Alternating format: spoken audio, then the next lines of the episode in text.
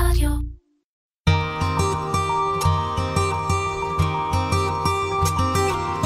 משפחה ותיקה. על משפחה, זקנה והחיים בעידן המודרני. שלום לכולם, אני סנדרה וינוגרד, עובדת סוציאלית בשירות הייעוץ לאזרח הוותיק ומשפחתו במוסד לביטוח לאומי, והגעתם לפודקאסט משפחה ותיקה. בפרק הזה נדבר על רווחה סובייקטיבית בזקנה. זה בעצם מונח מדעי שמדבר על תחושת איכות חיים ואושר בזקנה. נדבר גם על בדידות מול סולנות, ועל חשיבות סקירת חיים וסיפורי חיים. ונדבר על הסליחה והפיוס בפרק הזה של החיים.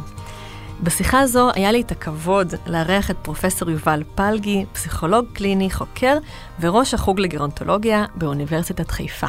שלום יובל. היי, בוקר טוב, מה נשמע? מה שלומך? אני בסדר גמור.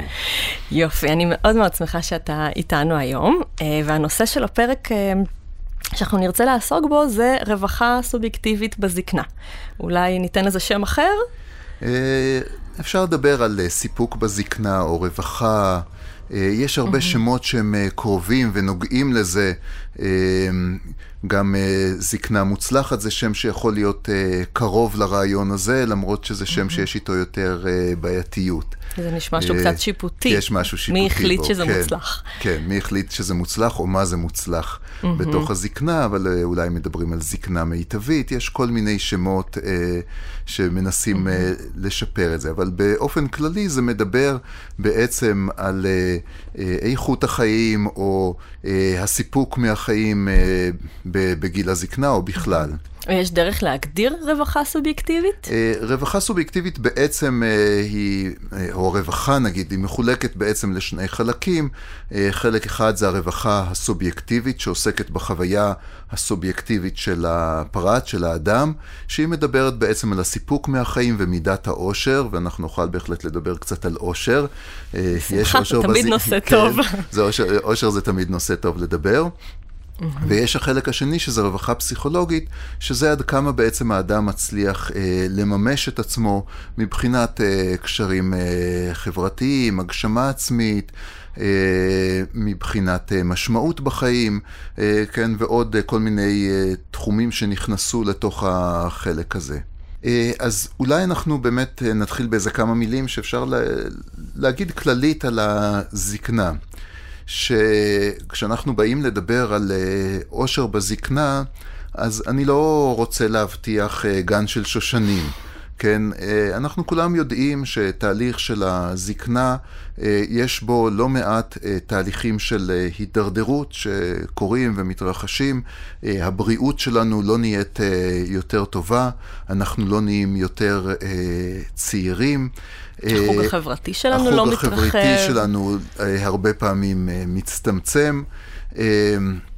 מבחינה אה, קוגניטיבית לפעמים יש ירידה, יש יותר חוויות של אה, בדידות, שאולי גם עליה נגיד איזה מילה או שתיים, אה, ויכולים להיות עוד תהליכים, גם תפקודיים, גם פיזיים אה, וגם קוגניטיביים, של הידרדרות שקורית עם הגיל. שזה בעצם תהליך נורמטיבי שמתרחש עם הגיל. תהליך, זה תהליך נורמטיבי, אבל בהחלט לא קל לקבל אותו. יש משהו שהוא כמעט בלתי נתפס. עבור אנשים זה שהגוף... בוגד וה... בהם. כן, הגוף בוגד, וה... והקוגניציה, השכל בוגד. אנחנו פתאום לא זוכרים דברים שפעם היו נשלפים מאיתנו ברגע, אנחנו כן. מרגישים את זה הכי קל והכי מוקדם סביב שמות. פעם את כל השמות היינו זוכרים בעל פה, לא הייתה שום בעיה, פתאום לוקח זמן עד שזה יוצא החוצה. ולפעמים זה מתחיל להתרחב, ופתאום יש הרגשה שהחשיבה כבר לא חדה ולא מהירה ולא בהירה כמו שהייתה, וזה דברים שנורא קשה לקבל אותם. Mm-hmm. ויחד עם זה, אל מול כל הדברים האלה שאמרנו עכשיו, המטרה פה היא כאמור לא לדכא אף אחד, אנחנו רואים שאנשים זקנים הם יציבים מאוד משנות ה-40 ואילך, או לקראת גיל 50. במידת העושר שלהם עד גילאים מאוד מופלגים, עד 80, 85, ורק אז לפעמים יש איזושהי ירידה קלה במידת העושר שלהם. זאת אומרת, מה שאתה אומר, מה שאתה אומר זה שעל אף כל הדברים, התהליכים השליליים שמתרחשים בזקנה, זקנים מצליחים לשמור על מידת עושר יחסית טובה.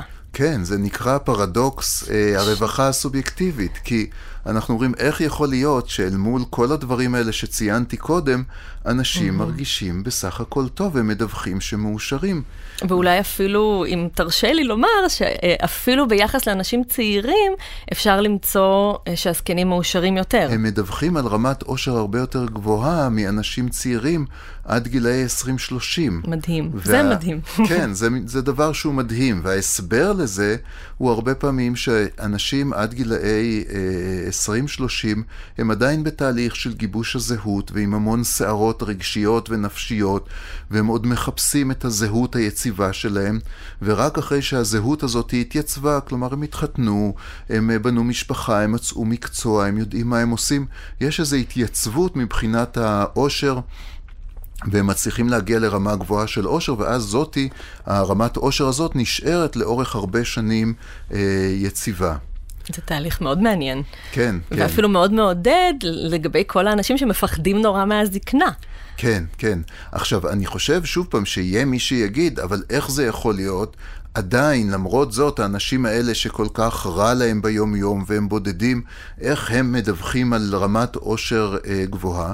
אז באמת אנחנו, אה, לא סתם זה נקרא רווחה סובייקטיבית, כי זה מדבר על החוויה הפנימית ולא האובייקטיבית של האדם. של מה הוא מרגיש. ואנשים מדווחים ששואלים אותם איך אתה מרגיש בסך הכל. אנחנו יודעים שאנשים זקנים יש להם איזו נטייה לדווח או לראות או להתמקד בחלקים היותר חיוביים של החיים שלהם. אה, אחד המחקרים המעניינים שקשור לרעיון הזה אה, נעשה על ידי אה, קבוצת חוקרים שלורה קרסטנסן מאוניברסיטת סטנפורד היא המובילה של הרעיונות האלה, של מה שהם קוראים ה-positivity bias, ההטייה החיובית. ומה שהם עשו, הם נתנו, נתנו לאנשים לראות הרבה מאוד אה, תמונות, חלקם היו חיוביות, חלקם היו ניוטרליות וחלקם היו שליליות. למשל, תמונה של קבר ואנשים עומדים סביבו כתמונה אוי. שלילית, mm-hmm. תמונה של משפחה חוגגת באירוע. כאירוע חיובי, ותמונה נגיד של אנשים ליד דוכן עיתונים או משהו כזה, משהו שזה ניטרלי. משהו ניוטרלי. Mm-hmm. ואחרי זה בדקו אה, כמה מהתמונות האלה אנשים זיהו כתמונות שהם ראו כבר, בדקו את הזיכרון שלהם. ומה שהראו שאנשים זקנים זכרו כללית פחות מאנשים אה, צעירים. היה להם זיכרון יותר נמוך, מה שמתאים mm-hmm. לירידה שדיברנו עליה קודם. אבל כשבדקו את האחוזים, האנשים הזקנים זכרו הרבה יותר תמונות חיוביות מתמונות ש- שליליות. זאת אומרת, זיכרון סלקטיבי של הדברים, כן, וזוכרים כמו... דווקא את הדברים החיוביים. נכון, אנחנו, מה שקורה נהדרת. לנו, שאנחנו באופן טבעי, זה תהליך טבעי שקורה לנו, שאנחנו נוטים להתמקד יותר בחיובי. Mm-hmm. יש כזה סיפור ידוע שהרבה פעמים מספרים, אה, אנשים אה, מבוגרים שמספרים שכשהם נפגשים, הקבוצה שלהם, החבורה שלהם, אז יש חוק ש, שאומר שמותר, שמותר לדבר על, על נכד אחד ועל לוויה אחת. כן, כאילו לא להגזים בשום דבר יותר מדי, אבל כאילו את הדברים החיוביים, אה, מוכנים יותר לשמוע, שמתחילים לדבר על מחלות או על לוויות, אנשים לא רוצים לשמוע את זה. Mm-hmm. אז, אז אנחנו יודעים שיש משהו שגם אה, אנשים מקשיבים לדברים מסוימים, וזה משפיע על הלך הרוח שלהם. זאת אומרת, יש הטיה סלקטיבית לכיוון החיוב אה, בזקנה, שאנחנו מקבלים או מפנימים יותר אינפורמציה חיובית, ואני מניחה שזה מנגנון שמשמר את הרווחה הסובייקטיבית. הוא מנגנון מאוד בריא, שעוזר לנו להרגיש טוב אה, עם עצמנו, mm-hmm. וכנראה שבתהליך של אה, זקנה יש לו חשיבות אה, עוד אה, יותר אה, גדולה. אה, הוא נכנס וגם מאוד מתאים, למרות שלא מספיק כותבים על זה, לכל הרעיונות של הפסיכולוגיה החיובית. אה, שבעצם הפסיכולוגיה החיובית היא איזשהו אה, זרם של הפסיכולוגיה שהתחיל להתפתח לקראת סוף האלף הקודמת ובעצם קיבל תאוצה מאוד גדולה עם תחילת האלף הנוכחית. שבעצם אומר שרוב הפסיכולוגיה, למרות שבבסיסה היא עסקה בכל החוויות האנושיות, התמקדה בעצם בחוויות השליליות והזניחה באיזשהו אופן את החוויות החיוביות. ו... זאת אומרת, התרכזה במה לא עובד, כן. ולא במה כן עובד ולמה כן. הוא עובד. כן, ו- ואפשר להבין גם למה זה קרה. אנשים שהם פונים לפסיכולוג, הם בדרך כלל לא מספרים על מה הולך להם טוב ובמה הם חזקים ומה כיף להם, הם מספרים על הצרות שלהם. ובעצם אה, מה שאבל שכחו להתייחס אליו, זה לחלקים הטובים שקורים לנו. כלומר, הרבה מאוד פעמים בתוך החוויה שלי כפסיכולוג, אנשים באים ומספרים לי את הדברים השליליים, ולפעמים כבדרך אגב פתאום מסתבר שבאותו שבוע קרו להם גם המון דברים טובים, הם רק לא מציינים את זה כי זה כאילו מובן מאליו. וכשאנחנו mm-hmm. מגלים את זה, אפשר פתאום להתמקד ולחשוב על הדברים הטובים שקורים לנו. אנחנו לא חייבים לתת את כל המשקל לדברים הרעים. זה לא שצריך להתעלם מהם, אבל אפשר לראות בנוסף אליהם גם את הדברים הטובים שקורים לנו. וזה בעצם המורכבות הרגשית, שזה גם נושא שנחקר אה, מאוד. אחד, אחד הדברים שאנחנו יכולים לראות, ואחד הנושאים שמדברים עליו הרבה מאוד, זה בעצם שאחד היתרונות של הזקנה זה היכולת לשאת בו זמנית אה, ניגודים. כלומר היכולת לשאת סתירות פנימיות אה, ולשמור אותם יחד ולא בצורה מפוצלת.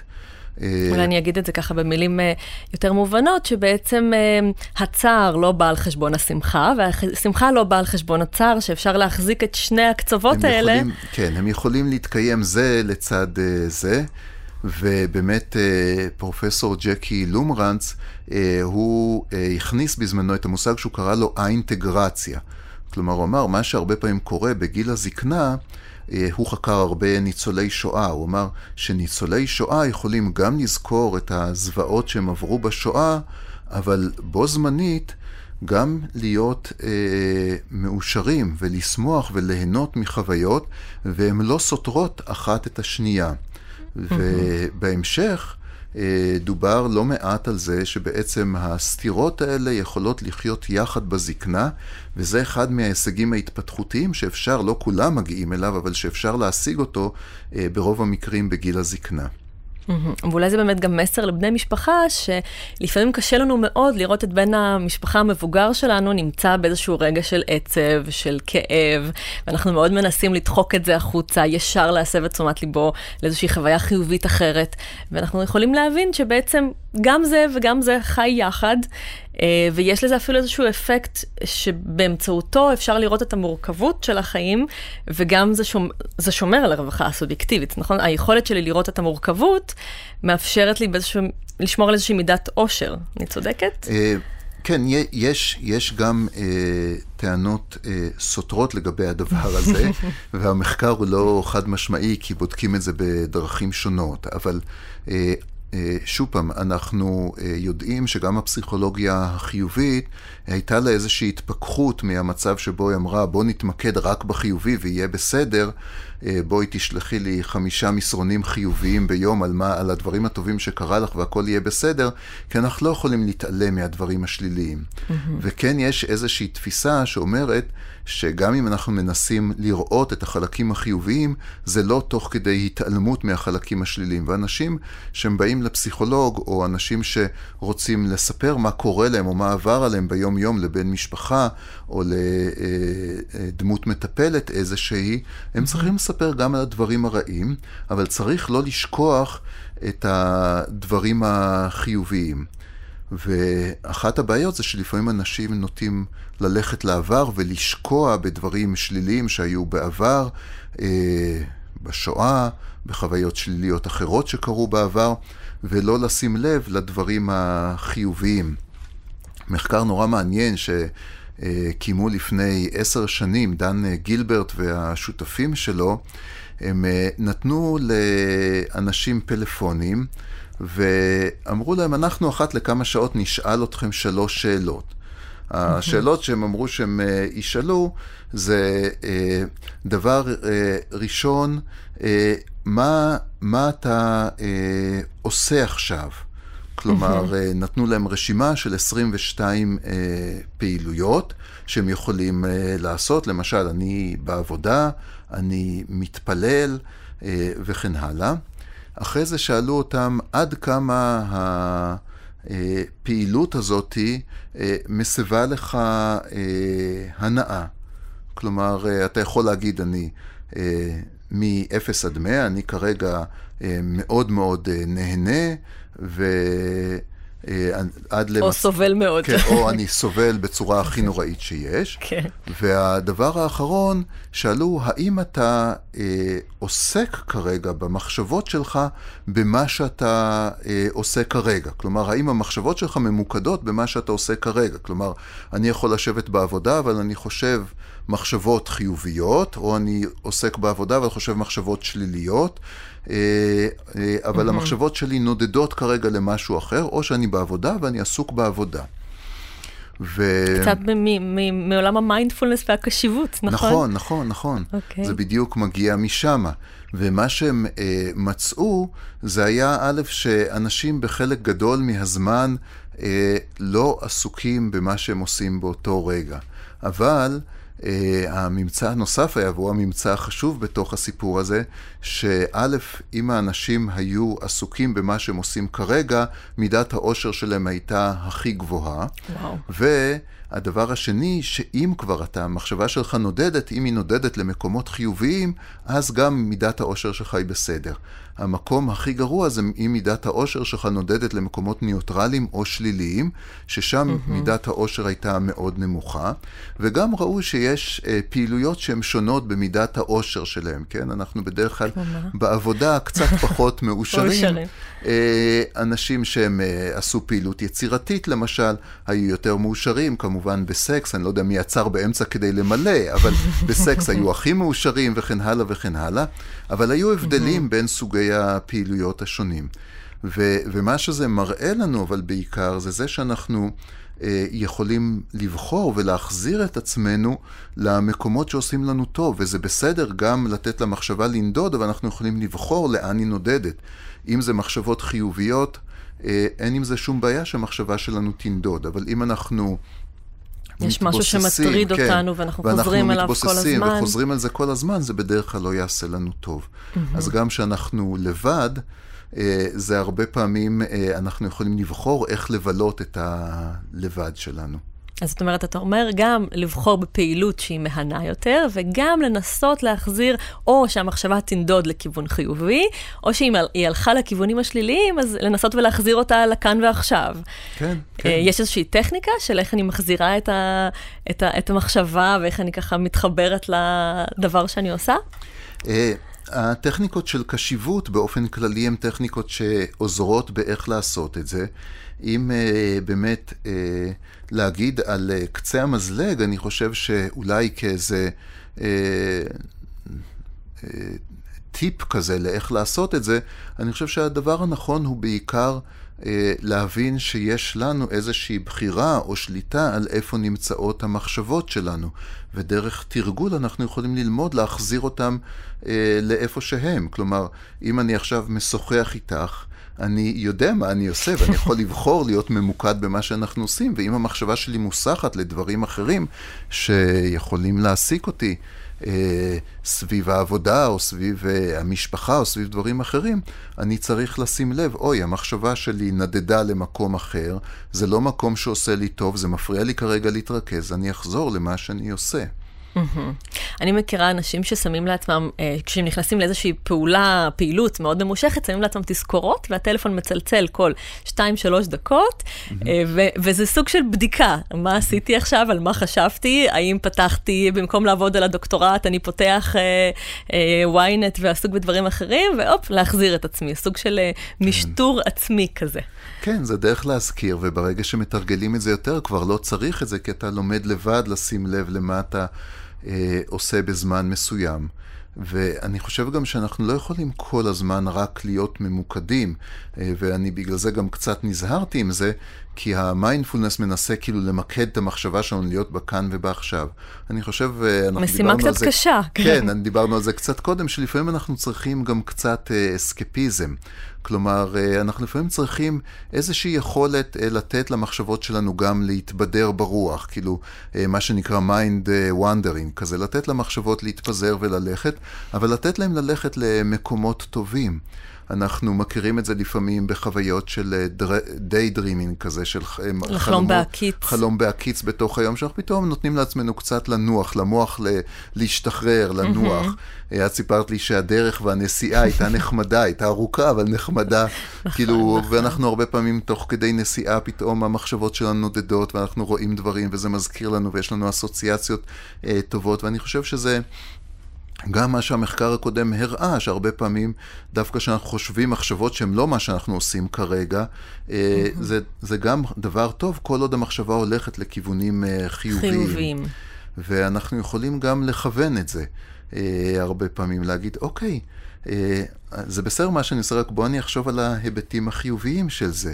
או אני, אני אפנה, אני אזכר בדברים החיוביים שהיו קשרים, קשורים לאותה תקופה שאני נמצא בה. אה, אז זה טוב אה, לעשות את זה, כי הרבה פעמים אנשים נמצאים הרבה זמן לבד, אה, ובעיקר בגיל מבוגר אנחנו מכירים את זה, ובעיקר עכשיו, בתקופה הזאת של הקורונה, mm-hmm. אנשים מבלים שעות על שעות לבד. שעות, כן. ואחד הדברים שאנחנו יודעים מהמחקר של בדידות, זה שצריך להבדיל בין social isolation, כלומר בידוד חברתי, לבין בדידות. בדידות זה התופעה הפסיכולוגית שנובעת מהפער בין... כמות האנשים או הקשרים שהייתי רוצה שיהיה לי, לבין מה שקורה לי בפועל. פער בין הרצוי למצוי. כן, כן. כן. ו- ואין מה לעשות עכשיו בתקופת הקורונה, שיש אה, בידוד חברתי שנכפה עלינו מלמעלה. כלומר, גם אם כרגע לכאורה פתחו את המשק, אנשים מבוגרים צריכים לשמור על עצמם. והם לא יכולים אה, להיות פעילים בחלק גדול מהפעילויות שהם, שהיו קודם.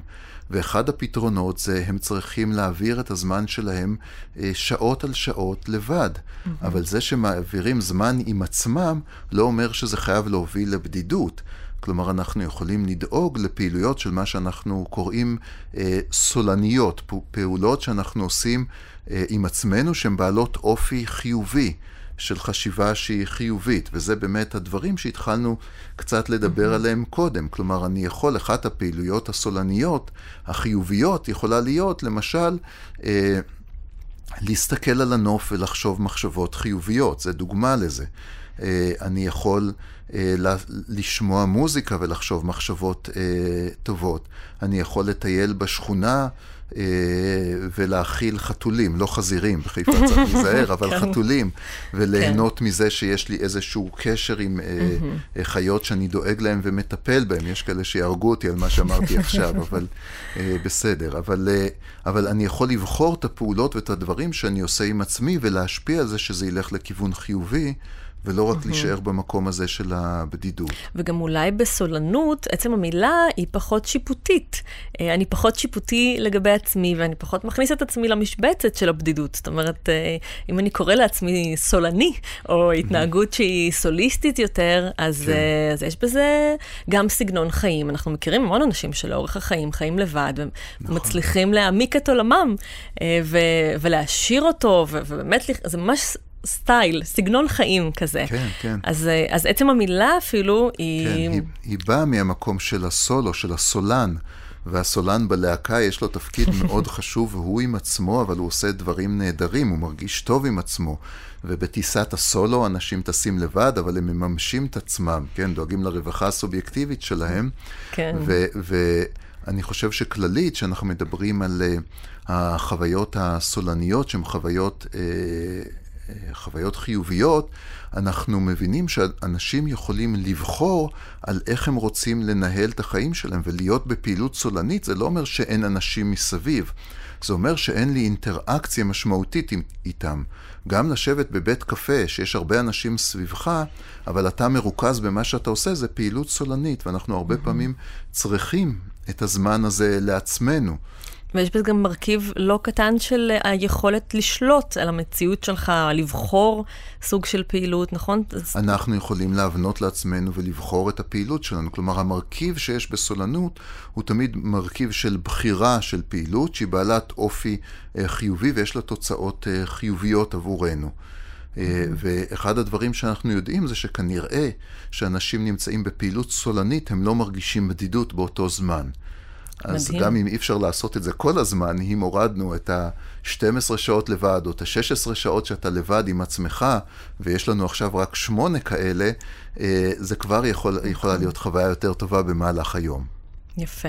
אז באמת... אה, כמה חשוב לקחת את השליטה, אני חושבת שבטח אתה מכיר את המונח מיקוד שליטה פנימי, חיצוני, אז כן. לקחת אותו פנימה ולנסות להבנות את המציאות שלך. כן, אני חושב שבכלל אה, אנחנו אה, יודעים שאחד האלמנטים הכי משמעותיים בעצם בבנייה של משמעות בחיים שלנו ומציאת טעם לחיים, זה אנחנו מדברים עכשיו על הרווחה הפסיכולוגית, על המשמעות, הוא נעשה דרך בעצם ההבנה ש...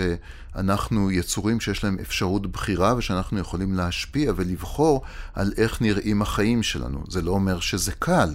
יש לנו הרבה פעמים מגבלות פיזיות ואחרות שמקשות עלינו, אבל אם אנחנו נלמד לבחור ונחליט שאנחנו בוחרים מה אנחנו רוצים לעשות, לפחות בחלק מהיום, לפחות בחלק מהזמן, נוכל לכוון את עצמנו למקומות אה, טובים יותר. אנחנו, לא נגזר עלינו לחיות את כל החיים שלנו בבדידות, אנחנו יכולים להשפיע על זה. אפילו יש לי דוגמה ככה מהראש, עבדתי בבית חולים שיקומי, אה, רעות בתל אביב, ו- והייתה אישה שהייתה מרותקת למיטה רוב שעות היום, אבל היא דאגה לבחירה, לתחושת השליטה והבחירה בזה שהיא בחרה את סוג המוזיקה, שישמעו היא וחברותיה לחדר, והייתה ממש סוג של עורכת מוזיקלית, ו- והיא מצאה בזה המון משמעות, וזה ממש מילא את יומה. איזה פלייליסט אני אכין, מה אני אשמיע לחברותיי, מה הן אוהבות. אמ, ו- וזה ממש אלמנט, זאת אומרת, החיים שלה היו בחוסר שליטה טוטאלי. הייתה במיטה אחרי אה, אה, אירועים רפואיים מאוד מאוד קשים, אבל, אבל הדבר הקטן הזה של אני בוחרת את סוג המוזיקה, אני בונה את הפלייליסט לחברות, אה, זה ממש נתן לה אור. זה באמת נתן לה אור בחיים. זו דוגמה מקסימה, כי באמת היא מראה איך למרות כל הבעיות שישנם, המקום שבו יש לה את החופש שלה, והמקום שיש לה את הבחירה שלה, זה במוזיקה. וחלק באמת מכל התהליך הזה של אה, הזדקנות או הזדקנות מוצלחת שאנחנו מדברים, הוא בנוי על אה, אלמנטים או מרכיבים שקשורים להתאמה, לאדפטציה שאנחנו עושים אה, לסיטואציה הקיימת. אם אני ממשיך לחיות כאילו אני בן... אה, 20, אה, למרות שאני לא בגיל הזה, אז אני אחיה כל הזמן בתסכול מאוד גדול, אבל אם אני מבין, אוקיי, יש לי מגבלות גופניות, אני היום בגיל אחר עם מגבלות אחרות, אבל עדיין יש דברים שאני יכול לשלוט עליהם, עדיין אני יכול לשנות משהו בחיים שלי, עדיין אני יכול להשפיע על החיים שלי, אז הזקנה נראית אחרת. אני חושבת שאני ככה, מהמשפטים שאני הכי זוכרת מהלימודים שלי בתואר השני בגרונטולוגיה, זה שזקנה טובה, מוצלחת, זה היכולת להסתגל לשינויים שהגיל מביא לנו. נכון, נכון. אנחנו uh, חייבים uh, לעשות את ההסתגלות הזאת, ואני אגיד גם עוד משהו לגבי הסולנות שדיברנו עליה קודם. הסולנות לא אומרת שאנחנו לא יכולים להיות בקשרים עם אנשים. קשרים עם אנשים זה דבר טוב, זה עושה רק טוב לאנשים, להיות mm-hmm. בקשר עם עוד אנשים, כמובן בטח. בהנחה שמסתדרים איתם. אה, אבל זה עושה רק טוב, אנחנו יצורים חברתיים ואנחנו צריכים זמן אה, במשותף. להפך, אחד ההסברים לבדידות הוא ההסבר האבולוציוני, שאומר שהבדידות היא בעצם אה, כמו סימן הישרדותי שמסמן לנו כשאנחנו לא נמצאים יחד עם שאר הלהקה. ולכן אנחנו מרגישים רע שאנחנו לבד, כי זה סימן שאנחנו באיזשהו סיכון חברתי, כי אנחנו לא ביחד עם אנשים אחרים ולא בקשר איתם. וזה אומר שאני צריך מיד לחזור לקבוצת כן. השייכות שלי. כן, ו- ואני חושב שהיום אחד הדברים שהקורונה הביאה אותנו אליהם, ואנחנו רואים את זה, זה שיש שיפור אדיר ביכולות אה, הטכנולוגיות של אנשים זקנים. כלומר, הרבה מאוד אנשים זקנים, והקורונה יש לה הרבה נזקים והיא עושה הרבה דברים לא טובים, אה, כן. והמחקר מראה את זה כל הזמן, mm. את הנזקים הנפשיים שהיא עושה, יש הרבה יותר חרדה ודיכאון ובדידות. ובקרב אנשים זקנים שאנחנו רואים את זה במחקר, אבל אחד הדברים הטובים שהיא עשתה, זה שהיא מאוד שיפרה את היכולות הטכנולוגיות של אנשים זקנים, והיכולות הטכנולוגיות מאפשרות לנו לשמור על קשר גם, גם מרחוק. גם מרחוק, כן. כן. ממש האיצה תהליכים של הסתגלות לטכנולוגיה, למהפכה הטכנולוגית שקורית, כן. ולתקשורת כן, אה, מרחוק. אני, אני מוכרח לספר על איזו חוויה אישית שלי, שמהבית שבו אני גר, אה, אני יכול אה, לצפות, זה לא יפה לספר את זה, אבל אני יכול לצפות על מרפסת של שכנים שלי. ואני ולא לא... שאתה צופה, אתה פשוט במקרה זה, לפעמים... במקרה זה שלך... קורה, ואחד הדברים שאני uh, גיליתי זה שבימי שישי, אני לא מכיר את השכנים האלה, אבל uh, זה בבניין סמוך, אבל זה כאילו כניסה אחרת, ואני באמת לא מכיר אותם. Uh, אבל חיה שם אישה מבוגרת, ובימי שישי אני רואה כל פעם שמגיע בחור צעיר או בחורה צעירה, והם נותנים להם uh, טלפון או, או אייפד, איזשהו מכשיר כזה אלקטרוני כל פעם, uh, או מחשב, הם כל פעם מביאים איזה מכשיר, כל אחד יש לו את המכשיר שלו, והיא מדברת עם מישהו uh, בזום או באיזושהי תוכנה כזאת, כי אפשר לראות שיש שם איזה פרצוף, והיא מנהלת איזושהי שיחה, ואותו בן משפחה, הוא עומד בצד כל הזמן, והיא מנהלת בינתיים איתם את השיחה. ו- וזה איזשהו מין פתרון של תקשורת שכנראה לא היה קיים קודם, וכרגע הטכנולוגיה מאפשרת את זה, וכנראה זה בגלל האילוץ איזה מרכיב של אה, הימנעות אה, הוסר, וזה פתאום אפשרי. והנה בדיוק דוגמה לבאמת איך אנשים מסתגלים לשינויים כש, כשאין ברירה. ו- כן. ושזה כן uh, בהחלט מגדיל את התחושת uh, רווחה שלנו, אם הצלחתי כן, להסתגל כן. לשינוי ולהתגבר על המחסור הפיזי באנשים. כן, כן, וזה ממש uh, איזה מין חוויה כזאת שאני, כל פעם שאני רואה את זה ככה מציץ דרך החלון במקרה, כמו שאת אומרת, אני עומד ומסתכל, כאילו בלי שהם רואים אותי, אבל אני עומד ומסתכל, כי זה נורא יפה לראות את זה, את ה... אתה גאה בה. כן, כן, בא ובוא, אני לא יודע, כן, אבל כן, יש פה איזה משהו שהוא נורא יפה של איזה תהליך שקורה. יפה. אני חושבת שאולי נדבר קצת על uh, סיפורי חיים, צמתים בחיים, ואיך אנחנו מבנים את הסיפור סביב זה כדי לחזק את אה, הרווחה כן, הסובייקטיבית. כן, כן, באמת, אה, אחד הדברים שאנחנו יכולים לראות, או אחד האספקטים ש... דרכו אנשים מבנים את הרווחה שלהם, הוא דרך האופן שבו הם מספרים את uh, סיפור חייהם. ואנחנו מכירים את זה שהרבה פעמים uh, הסטריאוטיפ על אנשים זקנים זה שהם כל הזמן מספרים לנו סיפורים. Mm-hmm. חלק מהאנשים מתלוננים, הוא כל הזמן מספר את אותו סיפור, הוא כל, כן, כל הזמן חוזר כן. על אותו סיפור. או בארוחת חג, סבתא כבר סיפרת את זה. כן, שמענו את זה אלף פעמים. בדיוק, בדיוק. ובאמת יש לזה כל מיני uh, הסברים. אחד ההסברים הוא גם ההסבר הקוגניטיבי, שאנשים... Uh, בגיל זקנה יש ירידה קוגניטיבית, ואז הם לא זוכרים שהם סיפרו את הסיפור. אבל, זה לא ההסבר העיקרי, אני מניחה. אה, הוא לא ההסבר העיקרי, כי רוב האנשים האלה זה אנשים שאם נעשה להם בדיקה קוגניטיבית, הם בסדר גמור. בדיוק. ההסבר הוא יותר שבאמת אנשים הולכים למקומות שבהם הם היו יותר חזקים בעבר, mm-hmm. ומה שהם רוצים זה לחזור למקומות שמחזקים את הדימוי העצמי שלהם ואת הערך העצמי שלהם. ואז הם מספרים בעצם את הסיפור בדרך שמזכירה להם את המקומות הטובים שלהם, את המקומות החזקים שלהם. Mm-hmm.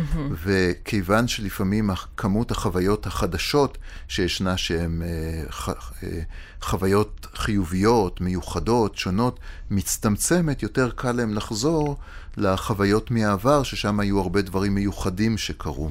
או אפילו צמתים כאלה שבהן החלטתי ללכת לכיוון אחד, וזה ממש שינה את כל חיי, ואני, ואני מרגישה לפעמים צורך לעסוק בהם גם כדי להשלים עם הסיפור, אה, לדעת שפעלתי נכון, ו, ושהחיים שלי הלכו בכיוון יחסית טוב אחרי זה, זאת אומרת, ממש לקב... להתפייס עם עצמי על ההחלטות שלקחתי. Mm-hmm.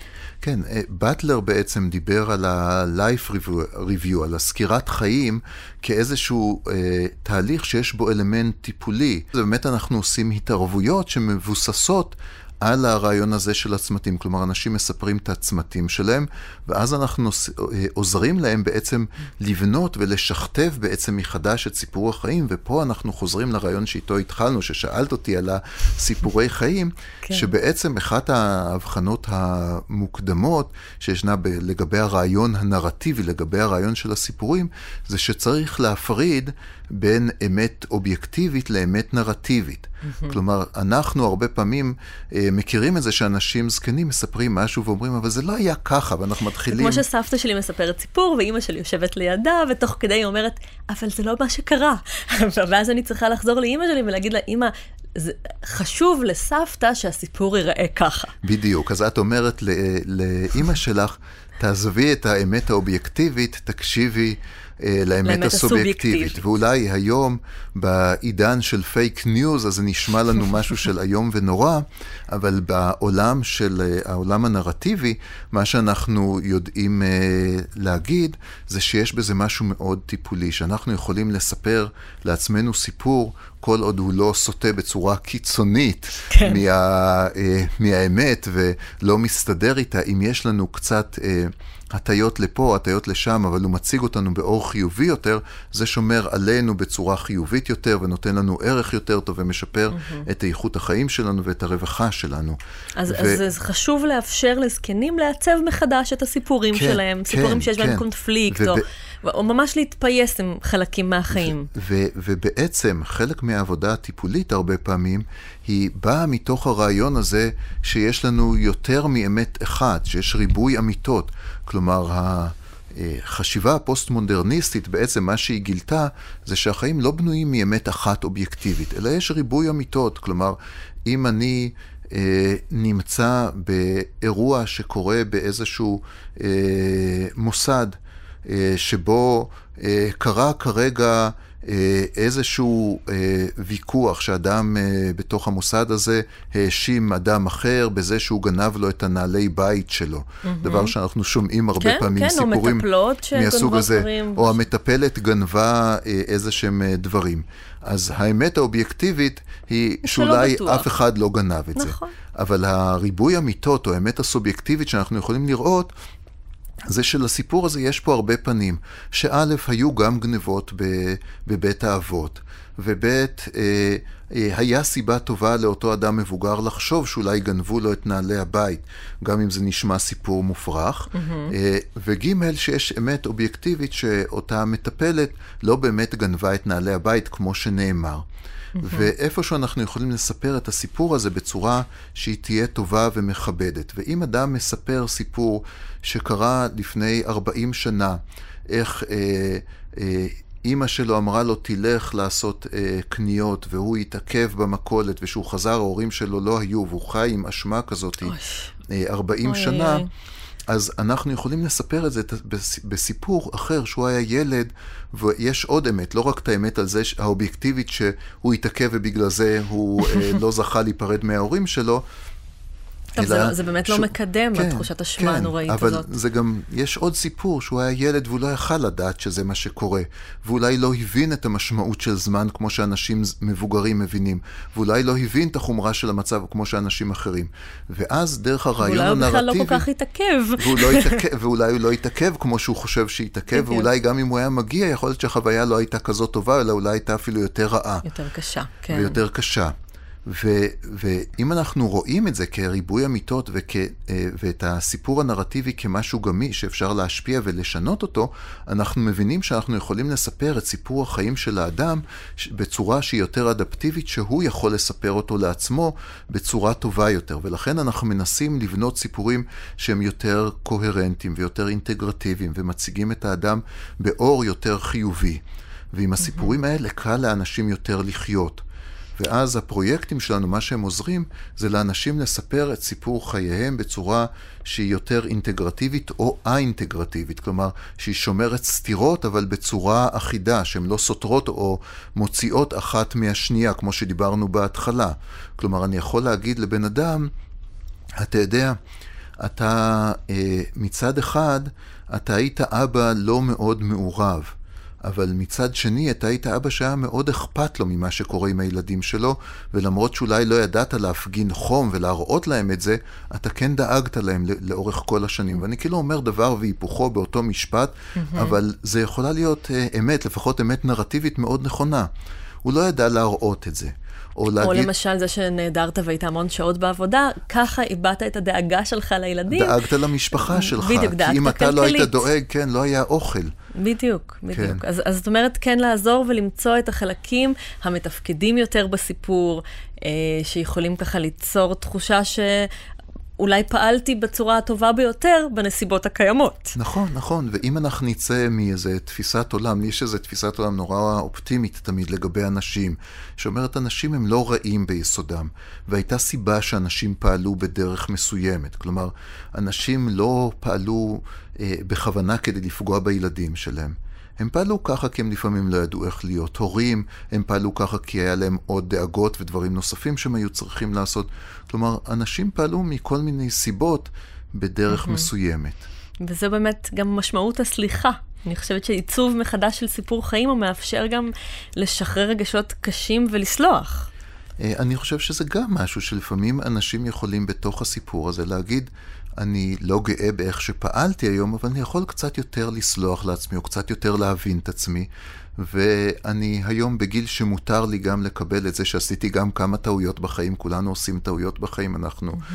לא חפים מטעויות, אבל זה לא אומר שאם עשינו טעות אין על זה כפרה, או לא ניתן אה, להסתכל על זה היום קצת יותר בסלחנות, וזה חלק מהאפשרות הזאת אה, של לקבל את עצמי כמו שאני בגיל זקנה, שזה דבר שהוא אפשרי.